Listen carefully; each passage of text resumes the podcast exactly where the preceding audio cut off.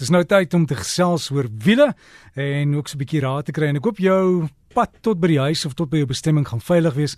Asseblief vat dit rustig op die paaie. Maar ons 'n bietjie gesels oor die engine en dinge. So ons sê goeiemôre aan Nico Smit.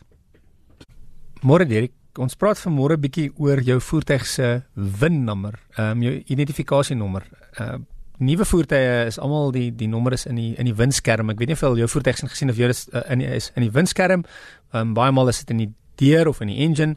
Ehm um, en dit is soos jou identifikasienommer is is die voertuig se VIN-nommer 'n identifikasie wat vir jou kan sê wie die vervaardiger is, waar die voertuig gemaak is. Is nogal interessant as jy na die detail begin kyk want baie maal is dit net 'n lang nommer wat jy neerskryf as jy jou voertuig ehm um, se lisensie hernie en jy weet nie noodwendig waarvoor alles staan nie.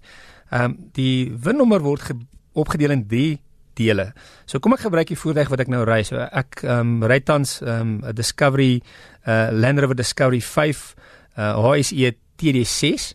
Ehm um, ek toets bietjie die voertuig en ek het besluit kom ek gebruik sommer die Discovery se se se VIN-nommer om om bietjie vir jou die die inligting te gee om bietjie op te breek hoe hoe alles werk. So die eerste 3 nommers ehm um, praat hulle van die WMI of World Manufacturer Identifier. So daai eerste 3 nommers sê vir jou waar die voertuig ehm um, vandaan kom en wie die vervaardiger is. So op die op die op die Discovery is die eerste 3 letters SAL ehm um, nie Suid-Afrikaanse lugdiens nie. SAL die S staan vir Europa, so die voertuig kom van Europa af. Ehm um, die A ehm um, saam met die L sê dan dit is A staan vir die Verenigde Koninkryke en die L vir Land Rover. Met ander woorde, daai SAL sê vir my dit is 'n Land Rover van die Verenigde Koninkryke. 'n Ander voorbeeld, ehm um, uh, as jy byvoorbeeld 'n Volkswagen ry, kom ons sê jy ry 'n Polo, sal jy sien jou eerste 3 nommers is AA4 en dit staan vir Volkswagen in Suid-Afrika. Of as jy 'n Toyota ry, 'n uh, AHT staan vir 'n uh, vir 'n Toyota wat in Suid-Afrika gemaak is. Of AFA staan vir 'n Ford wat in Suid-Afrika gemaak is. So dit gee vir jou aanduiding waar waar die voertuig gemaak is. Die volgende 3 nommers uh ehm um, nommer nommers 4 tot 9 praat hulle van VDS of Vehicle Descriptor Section. Met ander woorde, dit is die basiese karakter van die voertuig. So wat se tipe voertuig is dit? As ek kyk weer eens na die na die Land Rover, die die 54 nommer sê vir my dis 'n Land Rover uh, Discovery. Ehm um, dan die volgende nommer sê vir my die wielbasis van die voertuig. Ehm um, en dan die agste nommer K sê vir my die tipe engine en in die geval van hierdie Land Rover is dit 'n V6 diesel. En en ek kan ook sien dat die radkas is 'n uh, outomatiese radkas. Ehm um, 'n uh, 'n koppel om omsitter ehm um, radkas dan die die hang af van waar die kar gemaak is en as in Amerika gemaak is die 9 nommer is dan 'n wiskundige um, nommer wat hulle gebruik sodat iemand nie jou 'n vals nommer kan maak nie. So hulle het een of ander wiskundige wiskundige som wat hulle maak en daai nommer gee dan vir jou is 'n sekere nommer en as jy dan die, as jy nommer verkeerd is dan weet jy hierdie nommer is vals. In ander in Europese lande is dit nog deel van die die die gedeelte wat sê wat se voertuig dit is. Dan nommers uh, 10 tot 17 is die VIS of vehicle identifier section. Ehm um, en dit is 'n duidelike identifikasie van die voertuig. So as ek dan kyk, die 10de nommer uh, in die geval van die Land Rover is 'n H en dit sê vir my die jaar wat hy gemaak is.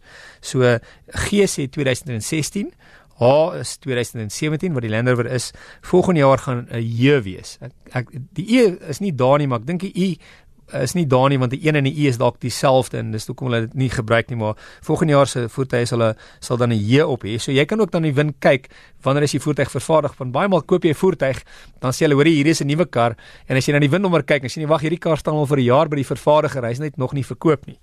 Die volgende nommer die 11de nommer ehm um, in die geval van die Land Rover is 'n uh, A En omdat ons nou weet dis 'n Land Rover en is nog deel van die identifikasie van die Land Rover, sê dit vir my die fabriek waar hy waar hy gemaak is. So ehm um, die A sê vir my hy's gemaak in Solihull wat 'n fabriek is van Land Rover en dan die laaste nommers soos ek gesê het is die identifikasie van die voertuig. So hierdie Land Rover Discovery se se nommers is 000730 met ander woorde dis die 37ste Land Rover Discovery 5 wat gemaak is.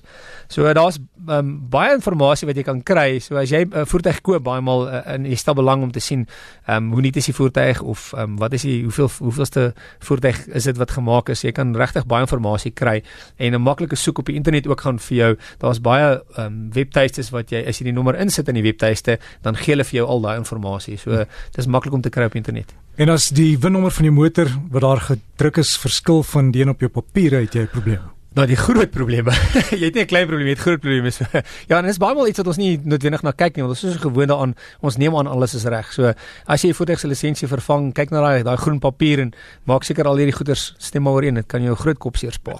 Ons so maak baie dankie aan Nico Smit en voorspoedige nuwe jaar vir jou Nico. Alles van die beste. Ons praat volgende week weer met jou.